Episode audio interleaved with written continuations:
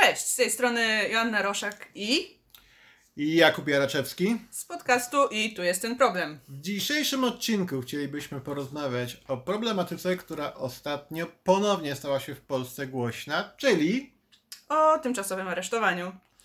Niedawno Polska żyła sprawą aresztowania Margo, działaczki LGBT. Yy, I jako, że wokół tego tematu, czym jest tymczasowe aresztowanie, a czym nie jest, zawsze pojawia się sporo wątpliwości. Postanowiliśmy spróbować Wam przybliżyć ten temat. Powiedzieć trochę o tym, czym jest tymczasowe aresztowanie i jakie mamy w Polsce z nim problemy. Na początek powinniśmy chyba sobie jednak wyjaśnić, e, czym tymczasowe aresztowanie różni się od, zatrzy- od zatrzymania, ponieważ w Polsce te dwa pojęcia bardzo często są stosowane zamiennie. E, Nie ma, wydaje nam się, e, dużo jasności na temat tego, czym one się różnią. No i chyba od tego powinniśmy dzisiejszy odcinek zacząć. Asia, e, czym jest zatrzymanie? Yy, Zatrzymanie jest jednym ze środków przymusu. Środki przymusu to czynności podejmowane przez organy procesowe, takie jak policja, sąd, prokuratura, yy, które, no jak sama nazwa wskazuje, mają przymusić mm, osobę objętą postępowaniem do odpowiedniego zachowania. Ma to na celu usprawnienie całego procesu, tak? Nie zakłócanie różnych czynności, yy, ułatwienie przebiegu różnych czynności, yy, zapewnienie płynności po prostu procesu. Ale to jak tu mówisz tutaj o procesie, to masz na myśli proces pokarmowy, czy jaki? Nie, proces przygotowawczy, czyli ten, który ma na celu zbieranie dowodów, yy, tak, utworzenie aktu oskarżenia i potem już sam proces sądowy, czyli rozprawy, przesłuchania na sali i tak dalej, tak? Wracając. Yy, tak, jakie są środki przymusu? Są to na przykład yy, poszukiwanie listem gończym, yy, kary porządkowe, zabezpieczenie majątkowe, no i właśnie już wspomniane zatrzymanie. Policja ma prawo zatrzymać osobę, jeżeli uz- istnieje uzasadnione podejrzenie, że popełniła ona przestępstwo i istnieje obawa, że w związku z tym będzie się na przykład ukrywać, albo będzie próbowała zacierać ślady, czy w inny sposób będzie próbowała utrudnić postępowanie. Ym, Zatrzymanie może mieć też miejsce na wniosek czy na zarządzenie prokuratora. Jest to zazwyczaj przypadek, w którym no, ta osoba nie ucieka, ale w jakiś inny sposób utrudnia ym, przeprowadzenie postępowania, na przykład nie stawia się w sądzie, tak? Nie stawia się na rozprawie. E, Policja może również zatrzymać kogoś prewencyjnie, a więc nie, nie ma to związku z żadnym procesem właśnie, jak wspominałam, przygotowawczym czy procesem sądowym, tylko jeżeli widzi, że ktoś jest, no, zachowuje się w taki sposób, że sprawia, stwarza zagrożenie dla życia, zdrowia, mienia, pana samochodu, mojego samochodu, y, mojego dziecka, tak, to może taki, taką osobę zatrzymać.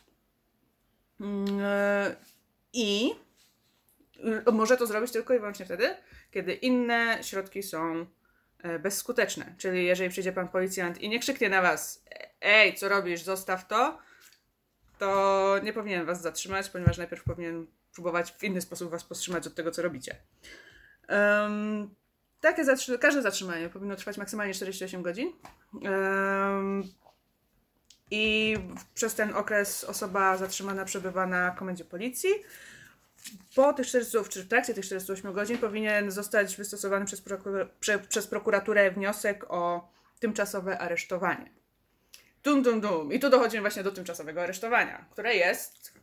No właśnie, e, tymczasowe aresztowanie. Słuchajcie, tymczasowe aresztowanie jest e, też środkiem, ale e, nie środkiem przymusu, tylko środkiem zapobiegawczym. Dlaczego zapobiegawczym? Dlatego, że ma zapobiegać.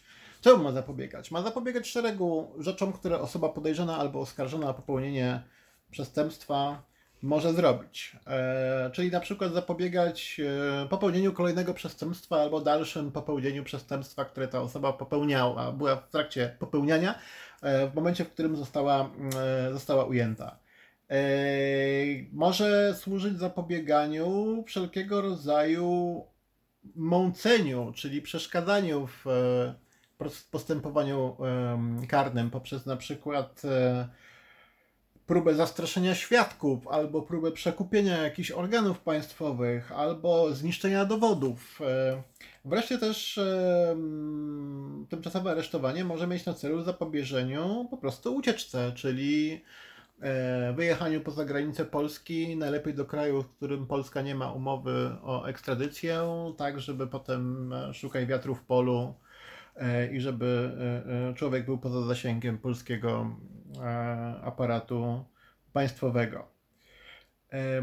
O zastosowaniu tymczasowego aresztowania decyduje sąd na wniosek prokuratury.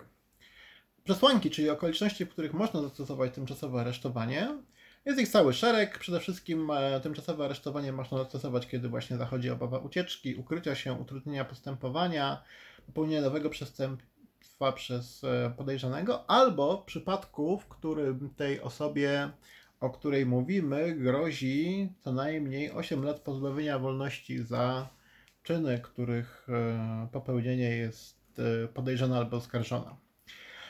Ale przede wszystkim tymczasowe aresztowanie może zastosować tylko wtedy, kiedy zebrane już dowody wskazują na to, że jest duże prawdopodobieństwo, że ta podejrzana osoba e, popełniła przestępstwo. Ta okoliczność tego dużego prawdopodobieństwa jest e, niestety bardzo swobodnie traktowana zarówno przez prokuraturę wnioskującą o tymczasowe aresztowanie, jak i sądy wydające postanowienia w tym przedmiocie. Asia. E, czyli mówisz, że tymczasowe aresztowanie jest takim klepniętym przez sąd dłuższym zatrzymaniem. Tak, bo słuchajcie, y, y, mówiąc językiem y, zrozumiałym dla zwykłego człowieka, Patologicznie. zatrzymanie to to jest to tak zwane 4-8, czyli lądujecie na dołku, czyli na komendzie, zatrzymała was policja na przykład w momencie, w którym rzucaliście cegłę w witrynę sklepową, nie wiem czemu rzucaliście... z benzyną i kamienie.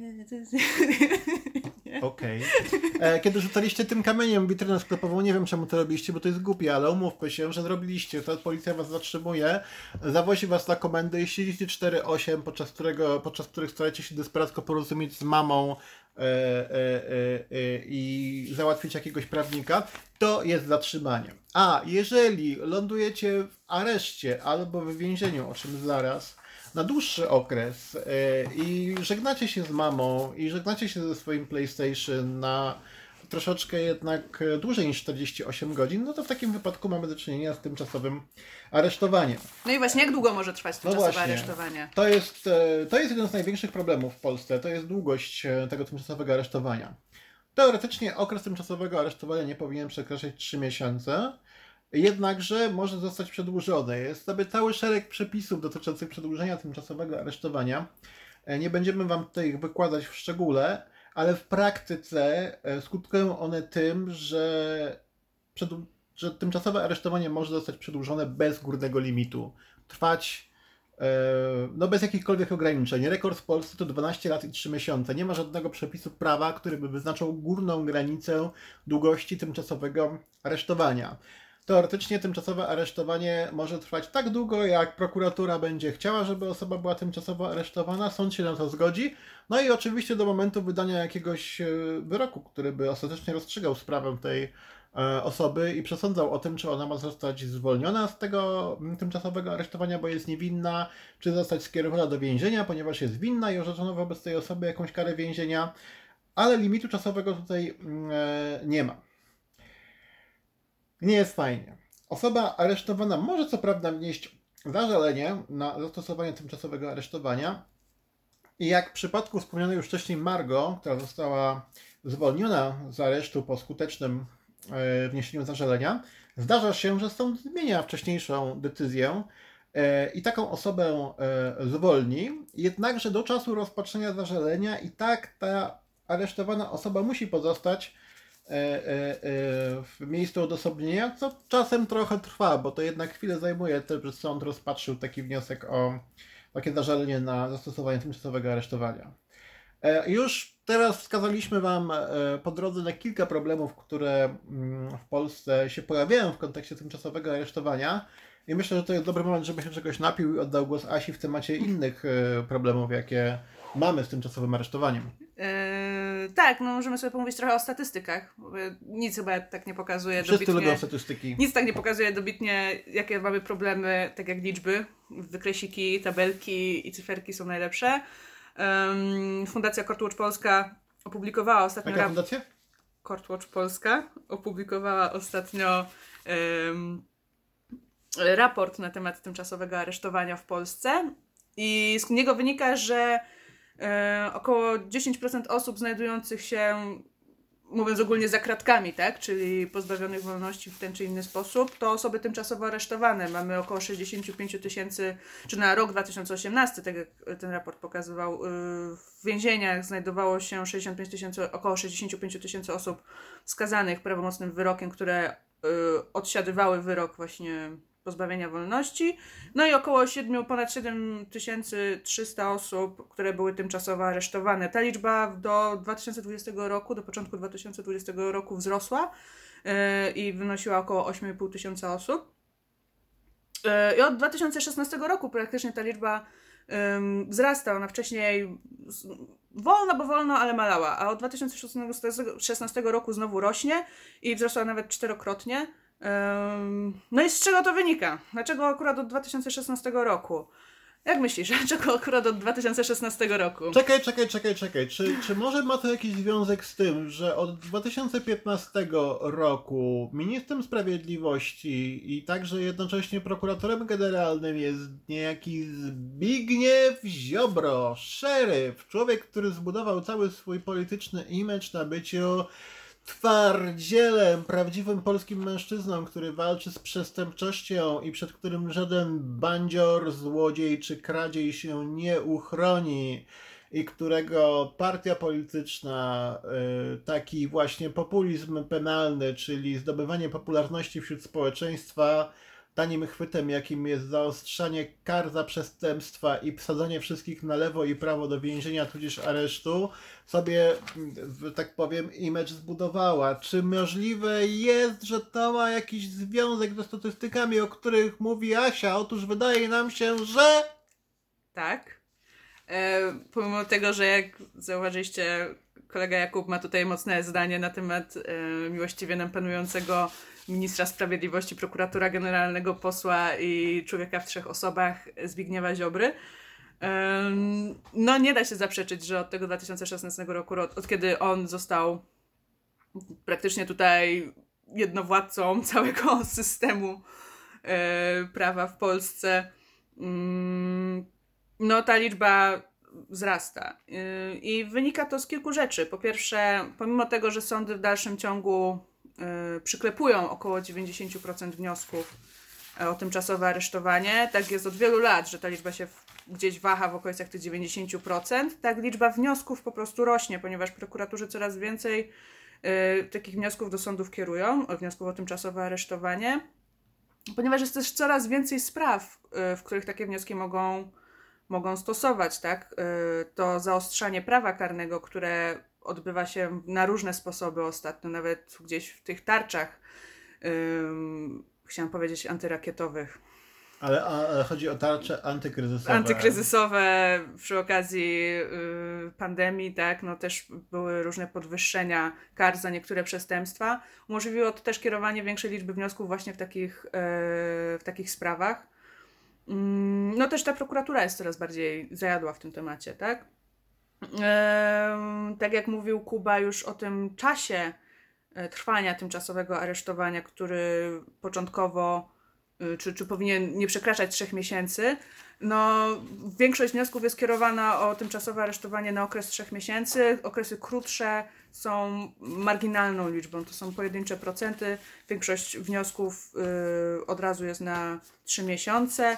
No i potem są również przedłużane. I tak średni czas trwania tymczasowego aresztowania w sprawach, które się toczą przed sądami okręgowymi, to 439 dni, według tych statystyk Courtwatch Polska, e, czyli no ponad rok, a przed sądami rejonowymi to 223 dni, czyli ponad pół roku. E, Wynika to z tego, że pomimo tego, że tymczasowe aresztowanie powinno być cofnięte w momencie, kiedy nie ma już tych przesłanek, czyli tych okoliczności, które by uzasadniały tymczasowe aresztowanie, czyli ta osoba podejrzana no raczej nie popełni nowego przestępstwa, nie będzie mataczyć w śledztwie, no to powinna zostać zwolniona. To bardzo rzadko to następuje. Zazwyczaj ona siedzi do momentu, dopóki nie będzie wyroku w sprawie, a te wyroki pojawiają się naprawdę późno. Um, problem też tkwi w tym, że bardzo trudno się odwołać od takiego postanowienia o tymczasowym aresztowaniu, ponieważ pomimo tego, że sądy muszą takie, uzasadnie, takie postanowienie uzasadnić, no robią to bardzo niechętnie i bardzo lakonicznie. Statystyki w tym raporcie również przedstawiałam, jak długie jest średnie, jest średnie uzasadnienie postanowienia o tymczasowym aresztowaniu. Możecie zgadywać, jak długie jest takie uzasadnienie. Teraz próbuję. Jedna strona, a cztery? Spróbuj mniej. E, to jest w zależności od tego, jaki jest powód tymczasowego aresztowania, od 4 do 9 linijek tekstu, więc w takim języku prawniczym no to będzie może jedno, może dwa zdania. Także powodzenia, powodzenia udowodnienia to, że nie musicie być tymczasowo aresztowani w momencie, kiedy macie jedno zdanie uzasadnienia. Ale słuchajcie, są plusy. Y, sąd nie musi pisać 20-stronicowego uzasadnienia w przypadku tego tymczasowego aresztowania, więc może się skupić na pisaniu e, fajnych i długich uzasadnień w ważnych sprawach, czyli na przykład w sprawach o kurczę, za przywłaszczenie sobie cukierka w sklepie, albo na przykład w bardzo ważnych w Polsce sprawach o odszkodowania za OC w samochodzie, kiedy ubezpieczyciel zaniża nam odszkodowanie, warsztat zawyża i jest to jeden z podstawowych tematów, którym zajmuje się polski wymiar sprawiedliwości. No, Więc zawsze znajdujmy jakieś plusy w takich sytuacjach. No Problemy nie? polskiego wymiaru sprawiedliwości są liczne i na pewno będziemy o nich mówić jeszcze w jakimś odcinku. E, no niemniej takie te, te, te problemy właśnie, które chociażby odbijają się w tych statystykach dotyczące tymczasowego aresztowania, no nie są żadną nowością. To jest problem, który się ciągnie za nami od, no od bardzo dawna, od czasów, których ja nie pamiętam, ale ty, ty może pamiętasz, bo jesteś stary. Tak, e, dziękuję za ten pocisk, Asiu. Odwiążesz się kiedyś. E, słuchajcie, tymczasowe aresztowanie w Polsce ma długą tradycję sięgającą PRL-u, czyli czasów komunistycznych. Wiąże się to z faktem, że w PRL-u prawo karne miało charakter represyjny, to jest delikatne powiedzenie na to, że chcieli po prostu komuś dopierdolić, tak? E, czyli generalnie chodziło o to, że jeżeli państwo polskie ludowe chciało komuś przywalić, to, to robiło przy użyciu prawa karnego, aresztując na przykład taką osobę na długi okres i, e, e że tak powiem, utrudniając jej życie. I w konsekwencji też sądy w PRL-u mm, na wniosek o zastosowanie tymczasowego aresztowania reagowały bardzo pozytywnie. Wręcz jeżeli dobrze pamiętam, w czasach PRL-owskich to w ogóle sąd nie brał udziału w, e, nie brał udziału w zatwierdzeniu stosowania tymczasowego aresztowania, po prostu robiła to prokuratura. Ewentualnie do sądu można było się odwołać, żeby kogoś z tego tymczasowego aresztowania zwolnić. I te nawyki zostały niestety odziedziczone w III RP po 1989 roku. Zarówno częstotliwość stosowania tymczasowego aresztowania, e, takie podejście prokuratury, że tymczasowe aresztowanie jest domyślnym środkiem zapobiegawczym, i nie stosujemy jakichś mniej, do, mniej, mniej, że tak powiem, uciążliwych, tylko od razu startujemy z grubej rury i wnosimy o tymczasowe aresztowanie. Sądy z kolei o, e, przyjęły postawę też taką bierną, powiedziałbym, i po prostu ufają prokuraturze, że jeżeli prokuratura prosi o tymczasowe aresztowanie, to trzeba się do tej prośby przychylić. Tak? Prokuraturo, Może... ufam tobie. Prokuraturo, ufam tobie. Słuchajcie, my tutaj z Asią jesteśmy bardzo hashtag wolne sądy i y, ten e, e, e, rządy prawa, ale nie jesteśmy ślepi na długoletnie systemowe problemy polskiego sądownictwa zarówno takie, które wymagają z braków technicznych jakby i braku pieniędzy, ale też takie, które wynikają z pewnej mentalności i podejścia, a właśnie to takie masowe przechylanie się do wniosku prokuratury o zastosowanie tymczasowego aresztowania, to jest przykład systemowego kłopotu z polskim wymiarem sprawiedliwości. Co więcej, w Polsce istnieje bardzo nieprzyjemna tendencja do stosowania tzw. Tak aresztu wydobywczego, czyli długotrwałego tymczasowego aresztowania połączonego z częstym przesłuchiwaniem podejrzanego lub oskarżonego celem wydobycia korzystnych dla prokuratury zeznań, czyli wsadzamy kogoś do tymczasowego aresztowania, ładujemy go do aresztu albo do więzienia i trzymamy tam przez kilka miesięcy, lat, a w międzyczasie gęsto przesłuchujemy i liczymy na to, że jakby zachęcona wizją zwolnienia z tymczasowego aresztowania, ta osoba powie nam to, co chcemy usłyszeć i to, co będzie nam potrzebne do tego, żeby e, na przykład tą osobę skazać albo na przykład e, innych podejrzanych e, dorwać. I niestety ten areszt wydobywczy jest faktem. On nie jest jakąś instytucją prawa, ale jest czymś, co robi prokuratura, co robi policja. I to też sądy niestety, mm, to niestety sądy tolerują. Asia, co jeszcze jest e, niefajnego w naszym polskim podejściu do tymczasowego aresztowania? Mm, nie powiedzieliśmy chyba o tym wprost, bo gdzieś dla nas to jest domyślne, a tutaj nie padło jeszcze tak powiedziane słowami wprost, że osoba tymczasowo aresztowana jest y, w dalszym ciągu osobą niewinną. Jest osobą, która nie została jeszcze skazana żadnym wyrokiem, w przeciwieństwie do osoby, która no, została skazana na, na karę więzienia. Niemniej taka osoba tymczasowo aresztowana może się znaleźć w zakładzie zamkniętym, w jakimś więzieniu, ponieważ zazwyczaj y, areszty y, są y, oddziałami jakichś zakładów zamkniętych, tak? Jakichś jednostek penitencjarnych. Penitencjarnych! Penitencjarnych, tak, dokładnie takich jednostek. I no, w zależności od tego, do jakiego zakładu taka osoba tymczasowo aresztowana trafi, pod, pod, podlega takim zasadom, które tam panują. Więc jeżeli trafi do zakładu o zaostrzonym rygorze, no to te, te, ten, ten, to tymczasowe aresztowanie będzie również odbywała na trochę innych, na trudniejszych zasadach niż osoba, która będzie zamknięta w jakimś innym areszcie śledczym, tak? I w ogóle mm, to, że tymczasowe aresztowanie powinno być teoretycznie łatwiejsze i mniej dotkliwe niż y, odbywanie kary więzienia już po tym, jak się jest skazanym, jest zasadą, a tak naprawdę przez to, że podlegają zarówno tymczasowe aresztowania, jak i kara więzienia podlegają różnym przepisom, no wychodzi to różnie i bardzo często tymczasowe aresztowanie jest bardziej uciążliwe yy, niż, niż kara więzienia dla kogoś, kto już jest naprawdę skazany. Tak? Takimi przykładami są na przykład to, że osoby tymczasowo aresztowane mają większe trudności z, yy, z widzeniami, z osobami bliskimi, czy na przykład osoba, która jest skazana już wyrokiem i odbywa karę więzienia, może y, dostać przepustkę, może dostać dodatkowe widzenia w ramach nagrody za dobre sprawowanie. Osoba tymczasowo aresztowana takiego czegoś nie może dostać. Osoba odbywająca karę więzienia może na przykład, jeżeli się dobrze sprawuje i jeżeli ma dużo fajnych punktów u kierownictwa jednostki, liczyć to na przykład takie tak zwane widzenia intymne, um, czyli móc spędzić sobie parę godzin sam na sam z partnerką, partnerem w e, takiej specjalnej, no nie celi, tylko pomieszczeniu do tych widzeń intymnych. Natomiast osoba e, tymczasowo aresztowana nie ma takiej możliwości. E, to mm. jeden z takich też przykładów. Tak, no osoby tymczasowo aresztowane na przykład mają problemy z widzeniami też e, ze swoimi dziećmi na przykład, tak? Z osobami poniżej tam 16 roku życia, to też jest dużo bardziej utrudnione. Mają w ogóle problem z kontaktami ze światem zewnętrznym, bo tak jak na przykład osoby skazane mogą już po jakimś czasie, czy w zależności od tego, w jakim zakładzie przebywają, mieć dostęp do mm, telefonów, jakichś komputerów, czy czegoś takiego, tak jak osoby e, tymczasowo aresztowane z racji tego, że są w tym odosobnieniu, ponieważ nie powinny ingerować w żaden sposób w śledztwo, no mają problem z takimi kontaktami ze światem zewnętrznym, nie tylko ze swoimi bliskimi, a również na przykład czasami, często, często gęsto z, ze swoim pełnomocnikiem, tak? Owszem, mogą pisać listy, ale te listy na przykład mogą podlegać cenzurze i zanim zostaną ocenzurowane, zanim zostaną przejrzane, no to też mija trochę czasu, więc ten list nie dość, że musi przejść jeszcze przez Pocztę Polską, która, no jak działa, to wiemy, z całym szacunkiem dla pracowników Poczty Polskiej, których uwielbiam, ale no system jest jaki jest, tak, no to, to cenzurowanie to też swoje, swoje zajmuje, tak.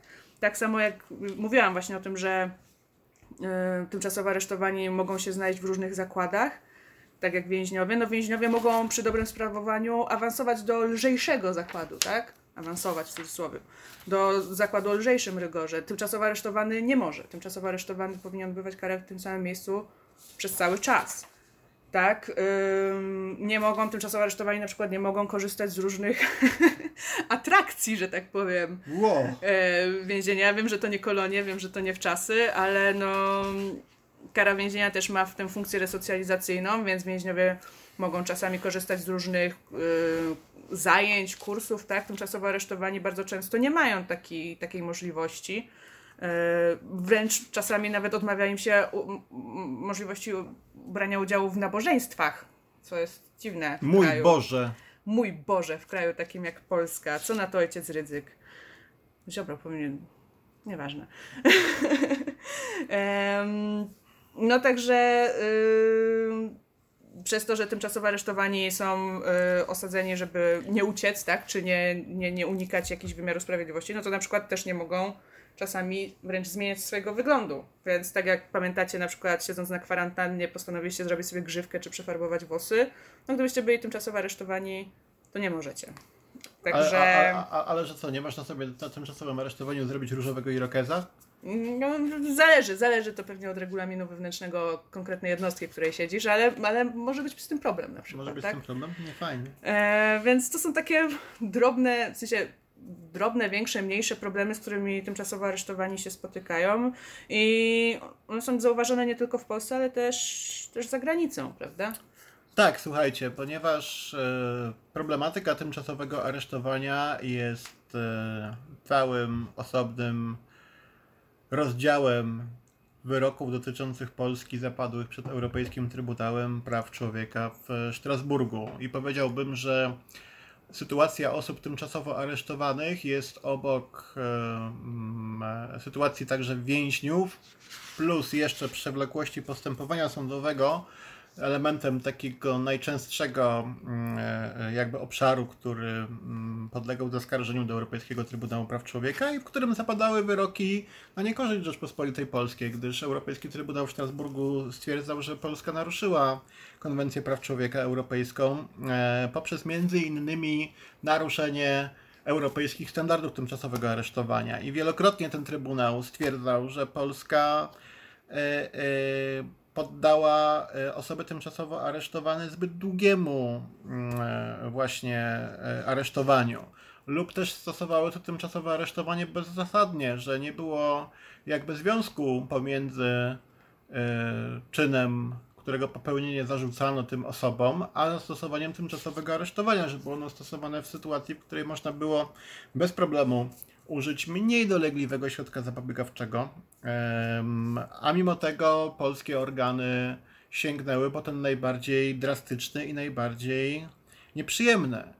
I przez te wszystkie lata z pieniędzy polskich podatników wypłacane były odszkodowania zasądzane przez Europejski Trybunał Praw Człowieka. Z pana pieniędzy, z moich pieniędzy, z pani tak, pieniędzy. Z państwa pieniędzy, nasz wszystkich pieniędzy wypłacane były odszkodowania zasądzane przez Europejski Trybunał Praw Człowieka na rzecz osób tymczasowo aresztowanych. E, odszkodowania idące w kilkadziesiąt tysięcy euro dla każdej takiej osoby.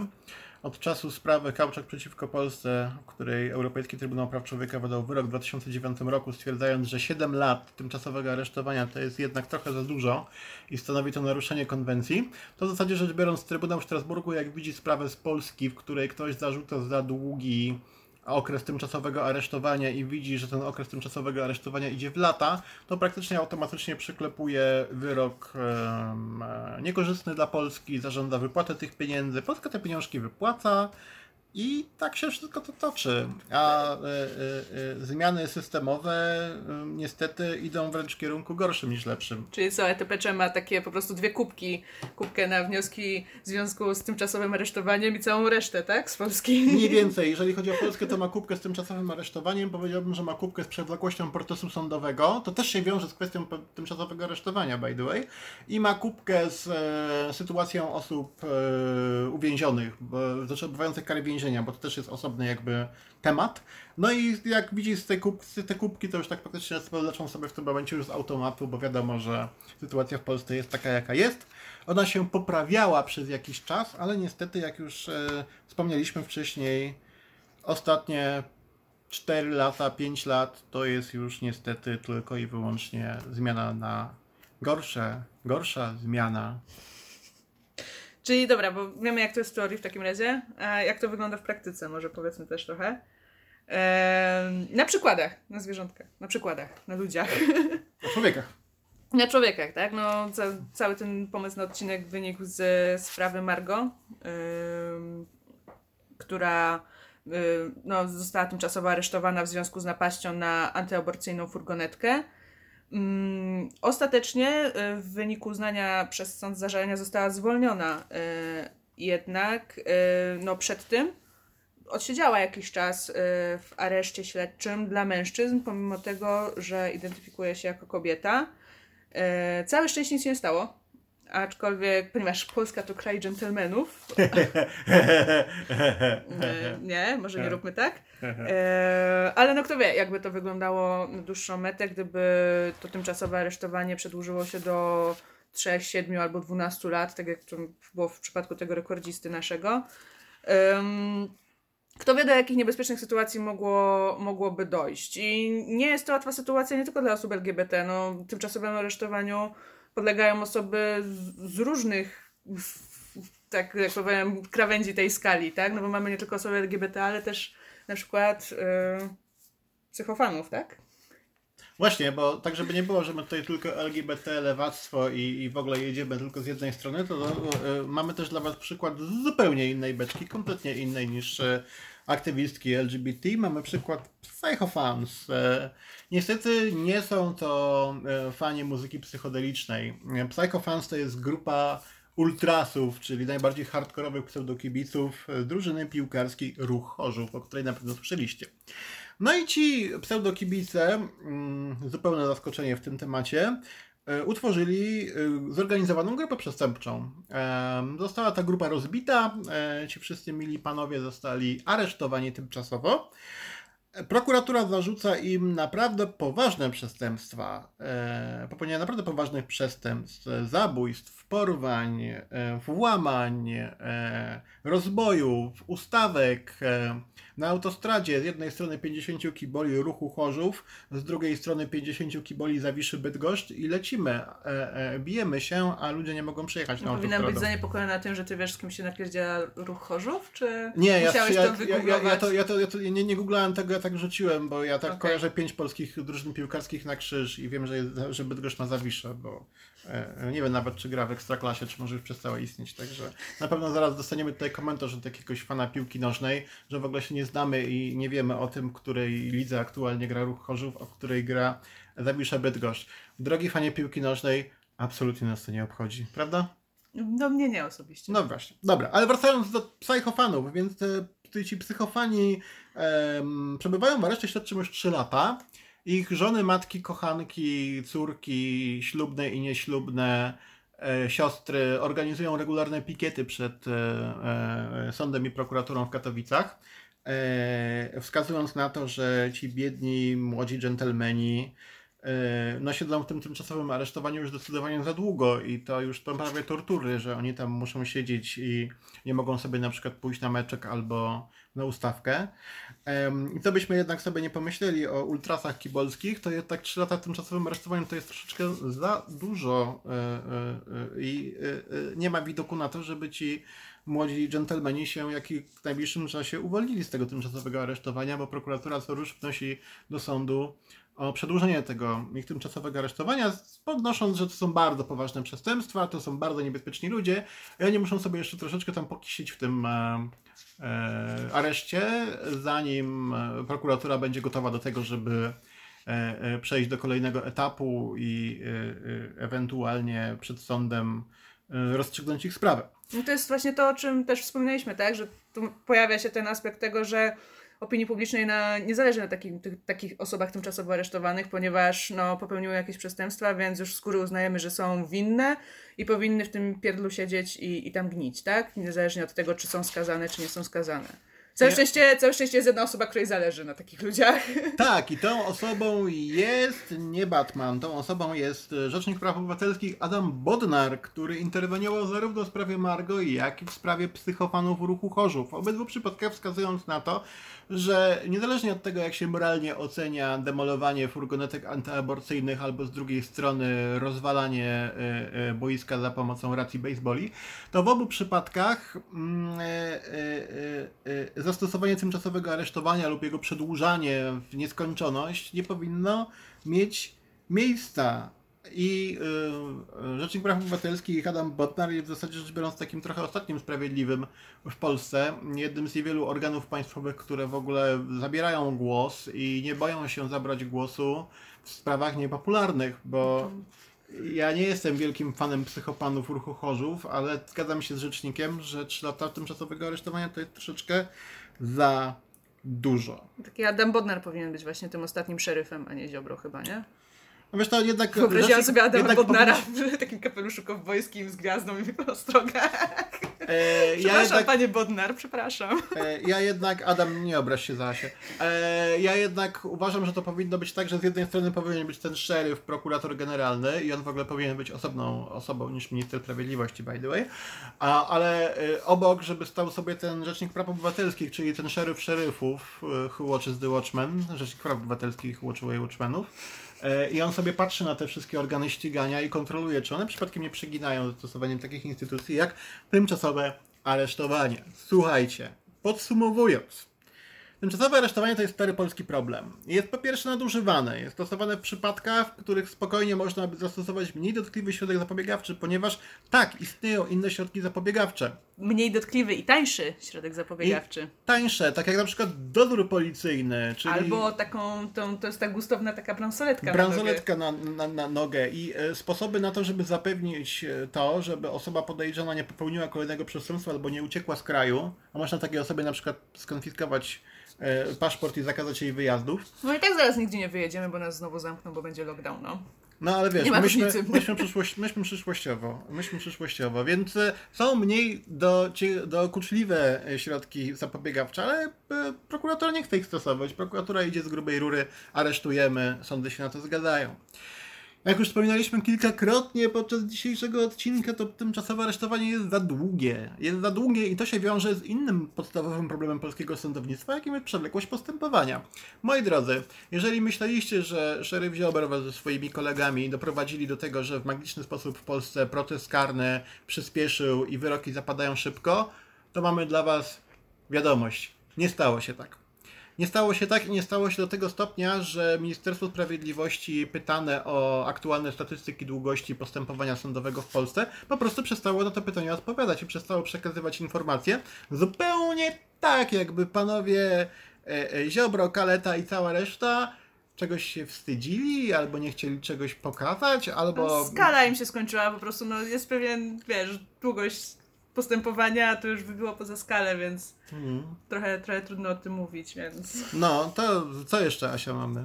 E, no to, że właśnie od 2016 roku e, prokuratura z uwielbieniem wnioskuje o, te, e, o to tymczasowe aresztowanie i sądy to klepią bez namysłu.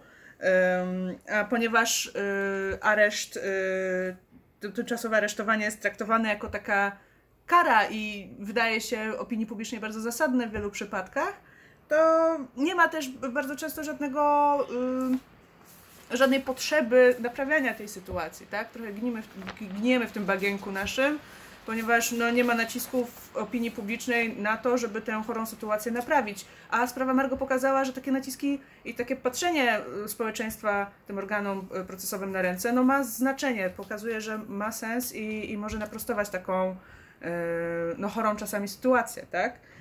I kolejnym takim minusem jest to, że jedynym organem praktycznie, któremu zależy na, na osobach tymczasowo aresztowanych jest nasz biedny, niezastąpiony Rzecznik Praw Obywatelskich Adam Bodnar, który no, jeszcze jest Rzecznikiem Praw Obywatelskich, ale niedługo, bo jego kadencja się właśnie skończyła i zostanie wybrany nowy, nowy rzecznik, zostanie wybrany przez kolegów y, szeryfa Ziobry, między innymi, także no nie wróży to najlepiej.